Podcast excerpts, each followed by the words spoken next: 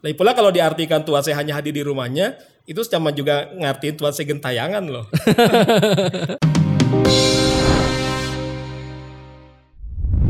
Assalamualaikum warahmatullahi wabarakatuh. Jumpa lagi dengan saya Saiful Cerah. Insya Allah masa depan kamu akan cerah. Pagi hari ini, alhamdulillah di acara podcast tasawuf dari TKN News, kita masih dalam acara ngopi atau ngobrol perihal ihsan. Hari ini saya kedatangan tamu spesial. Beliau adalah Wakil Ketua Lembaga Dakwah Torikoh Qadiriyah Naqsyabandiyah Pontren Surilaya Provinsi DKI Jakarta ya Ustadz ya? Iya, Oh, ini adalah Ustadz Andika Darmawan. Assalamualaikum Ustadz. Waalaikumsalam warahmatullahi wabarakatuh. Sehat Ustadz? Sehat, Ini alhamdulillah. pandemi ini jadwal khotib gimana Ustadz? Ya, vakum juga. Sama kayak antum. Iya, emang kalau zaman pandemi gini kita harus lebih kreatif iya. Kalau bahasanya Kiai Wafi melakukan engineering. Engineering ya, rekayasaan ya, tapi yang positif. Positif. Positif. Ini saya senang banget Ustadz. Ustadz bisa hadir di studio TK News Iya.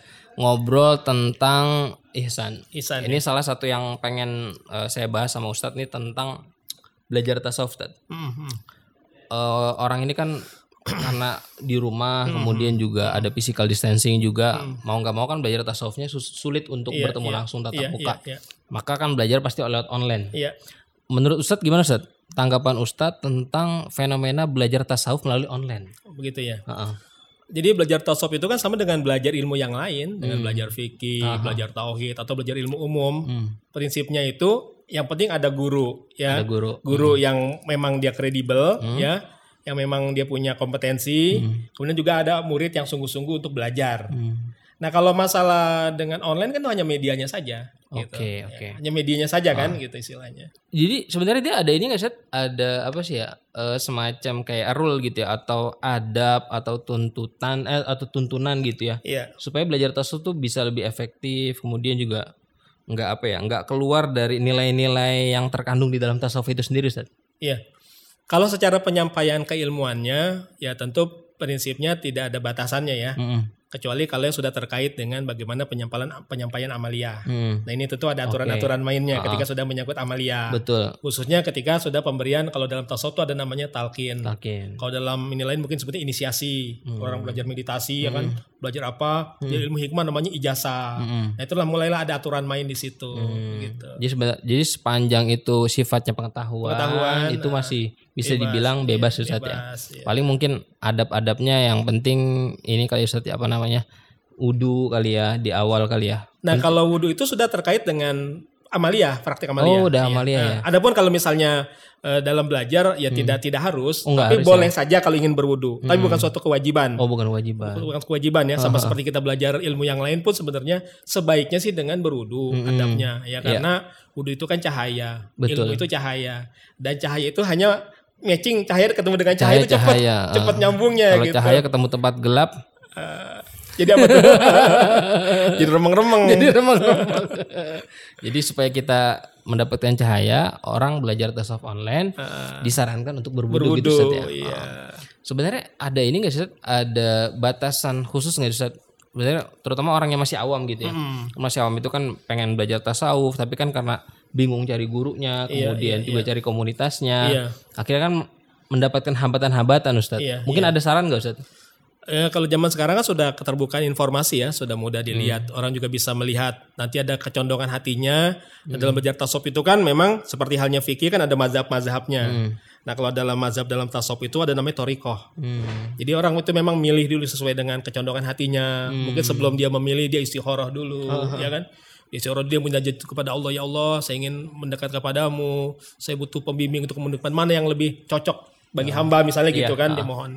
Lalu ketika dia sudah ada kecondongan hati, bolehlah dia mencari juga sebelum itu dia search dulu informasinya mungkin apakah lewat eh, sekarang kan banyak nih website-website dari tarekat-tarekat nih. Kalau Suralaya punya www.suralaya.org. Oke. Mungkin ah. tarekat lain juga ada. Ada. Ada, juga Jatman online ya, Jol online, kan. iya, Jol. Itu kan banyak tuh alamat-alamat tarekat-tarekat Ah, mungkin iya. ya. Nah, mungkin setelah informasi didapatkan, isi orang juga ada kecondongan hati, maka kemudian ya silakan nanti menghubungi eh, tarekat yang memang Tarekat yang dituju. dituju. Ya. Jadi sebenarnya untuk belajar tarekat itu bisa diawali melalui rasa ingin tahu itu Rasa ya, ingin tahu, rasa ingin iya. tahu ya. Nanti setelah kebutuhan lah kebutuhan, diri kebutuhan, kebutuhan diri. Dan Iya. sebenarnya kalau tarekat itu apakah memang kita yang menentukan atau sebenarnya kita yang di apa ya eh, bahasanya dipilih gitu?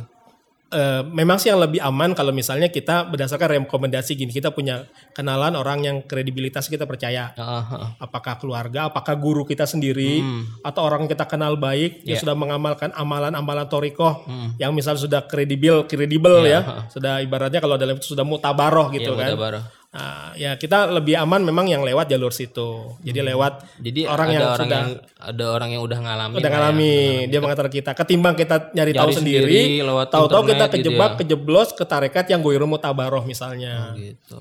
gitu Jadi paling enggak kita punya orang yang sudah berpengalaman sebelumnya gitu. ya lebih aman yang begitu Lebih aman kayak gitu. Enggak, maksudnya gini Zat. Eh, ada satu lagi Zat. Eh, ada orang itu yang nanya, sebenarnya ini saya ini cocok sama tarekat apa? Mm-mm. Ini untuk mengetahui kecenderungan itu ngelihatnya dari sisi apa Zat?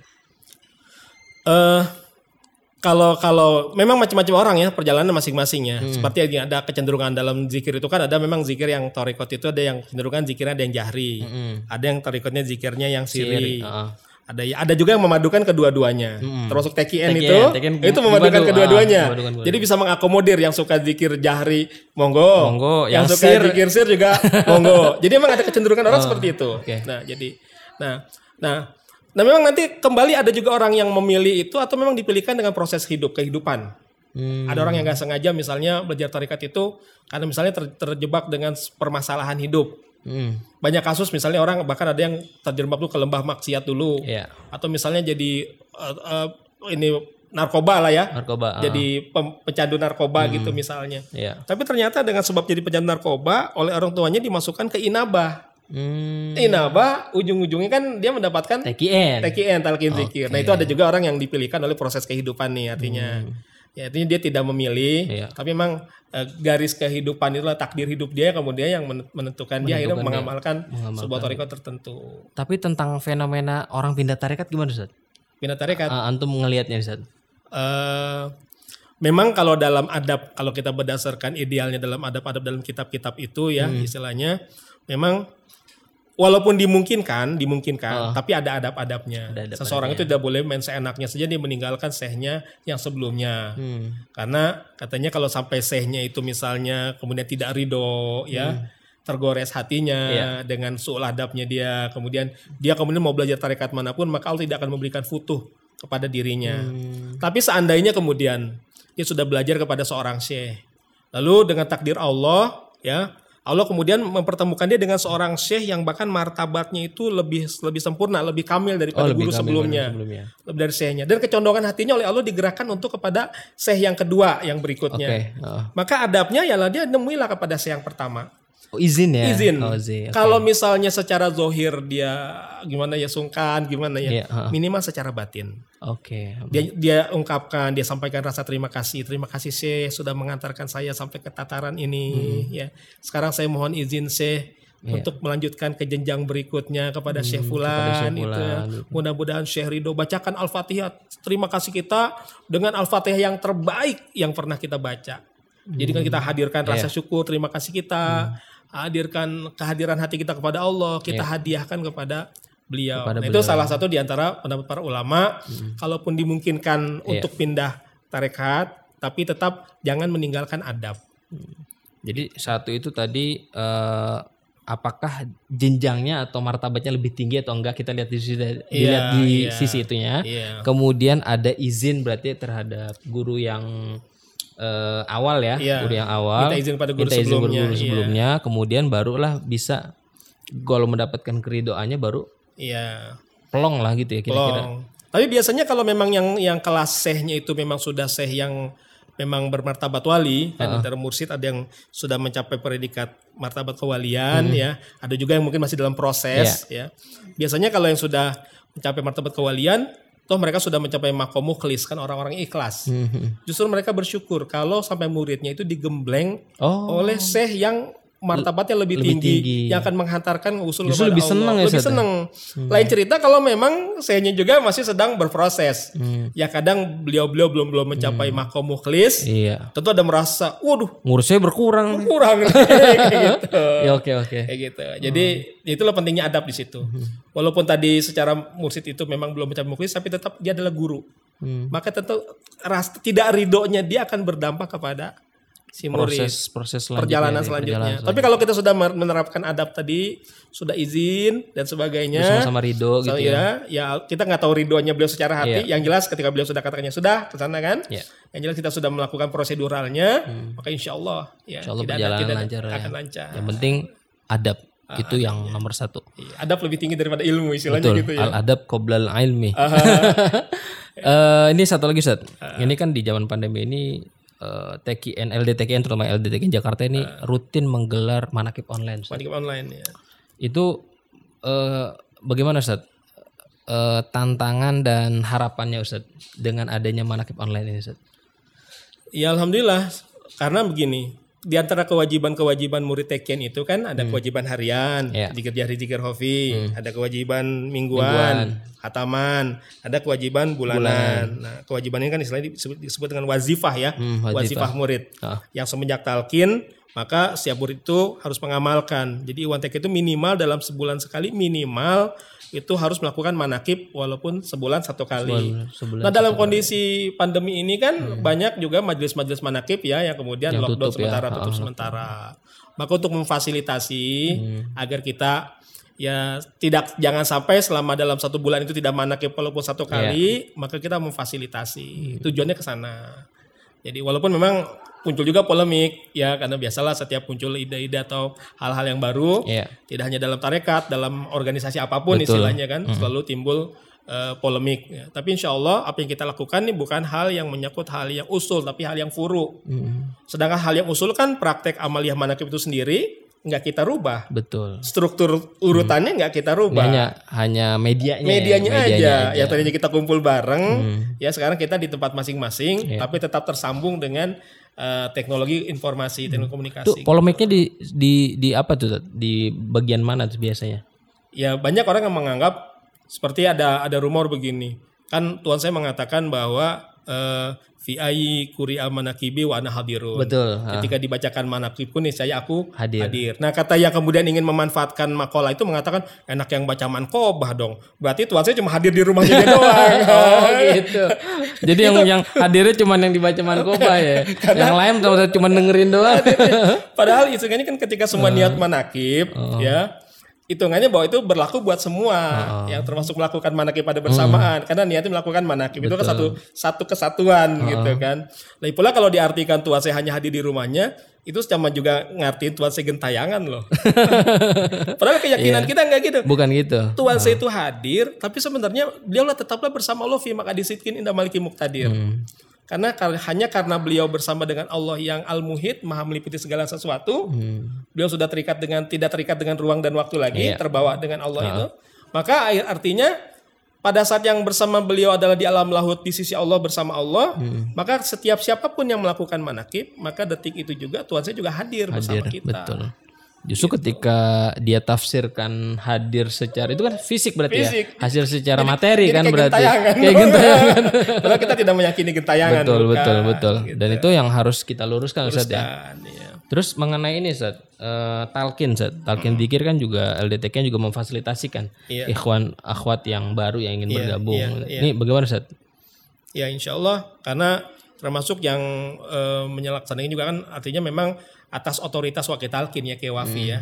Jadi bukan berarti LDTK kemudian kita yang membuat aturan main karena memang dari awal pakai wafi selaku wakil talkin menyatakan bahwa talkin zikir ini eh, apa pun lewat medianya sepanjang disampaikan oleh wakil talkin yang sah Yang sah. ya yang punya langsung izin langsung otoritas dari Pangersa Abah Anom dalam TKN maka insya Allah talqin itu sah walaupun dilakukan secara jarak jauh Iya, dengan menggunakan media seperti kita dengan Zoom atau apa dengan kita dulu pernah juga dengan Skype gitu Oh, ya. Skype, oke. intinya yang penting antara yang ditalkin dan itu ada melihat ada tampilan visualnya. Hmm. Lain cerita mungkin kalau hanya dengan telepon itu kan tidak Iya, melihat tampilan kelihatan. visualnya ya. Hmm. Ketika mem- wakil talkin memberikan arahan-arahan. Kurang Tapi kan ya. dengan telekonferensi itu terlihat wakil talkin ketika memberikan arahan. Audionya dapet, audionya dapat, visualnya dapet. visualnya dapat gitu.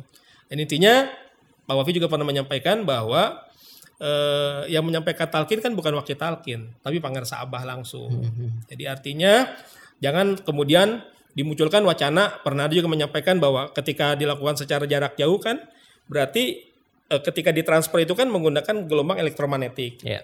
Dikhawatirkan ketika sedang dikirim itu menuju ke tujuan ada intervensi setan di situ. Ada pernah ada wacana seperti itu. Hmm. Ada sampai ke situ ya? Heeh. Oh, oke. Tapi ketika itu ketika wacana dimunculkan oleh seorang tokoh, Pak Kiai Wafi hanya bertanya itu di majelis forum wakil talkin. Beliau bertanya, memangnya yang mentalkin itu kita dalam arti wakil talkin Mm-mm. atau abah? Dan serentak wakil talkin jawab, abah begitu. Oh. Nah kata Pak Wafi, kata Kiai Wafi, nah kalau abah ya sudah jangan dipermasalahkan. Artinya walaupun tadi prosesnya adalah menggunakan elektromagnetik, ya karena ini merupakan eh, jalurnya dari, dari ruhnya Pangersa Abah, maka insya Allah tidak iblis nggak akan mampu mengintervensi karena tadi sekali lagi bukan dari Bukan wakil pribadi wakil talqin, tapi dari rohani mursid itu sendiri begitu. Jadi sebenarnya udah nggak ada polemik lagi. insya Allah ya, Insya Allah. Baik, terima kasih Ustadz Andika sama-sama. untuk pencerahannya. Jadi buat Ikhwan Akhwat TKN yang ingin mengajak saudaranya atau kerabatnya, sahabatnya, tetangganya untuk talkin dikir Iya. Tarikah Qadiriyah Naqsyabandiyah insya Allah difasilitasi oleh LDTKN Lembaga Dakwah Tarikah Qadiriyah Naqsyabandiyah Provinsi DKI Jakarta. Jadi terus pantengin IG-nya LDTKN Jakarta juga bisa eh, di subscribe nih eh, channelnya TKN News juga follow Instagramnya TKN News juga. Insya Allah nanti eh, informasi dan kegiatan terkait dengan Tarikah Qadiriyah Naqsyabandiyah eh, Ikhwan Akhwat bisa langsung eh, memantaunya terus secara langsung. Oke, terima kasih Ustadz. Terima kasih untuk semua sahabat TKN News yang sudah menyaksikan podcast Tasawuf dari TKN News. Saya Saiful Cerah. Insya Allah masa depan kamu akan cerah. Jumpa lagi di Sabtu mendatang. Dan Assalamualaikum warahmatullahi wabarakatuh. Waalaikumsalam warahmatullahi wabarakatuh.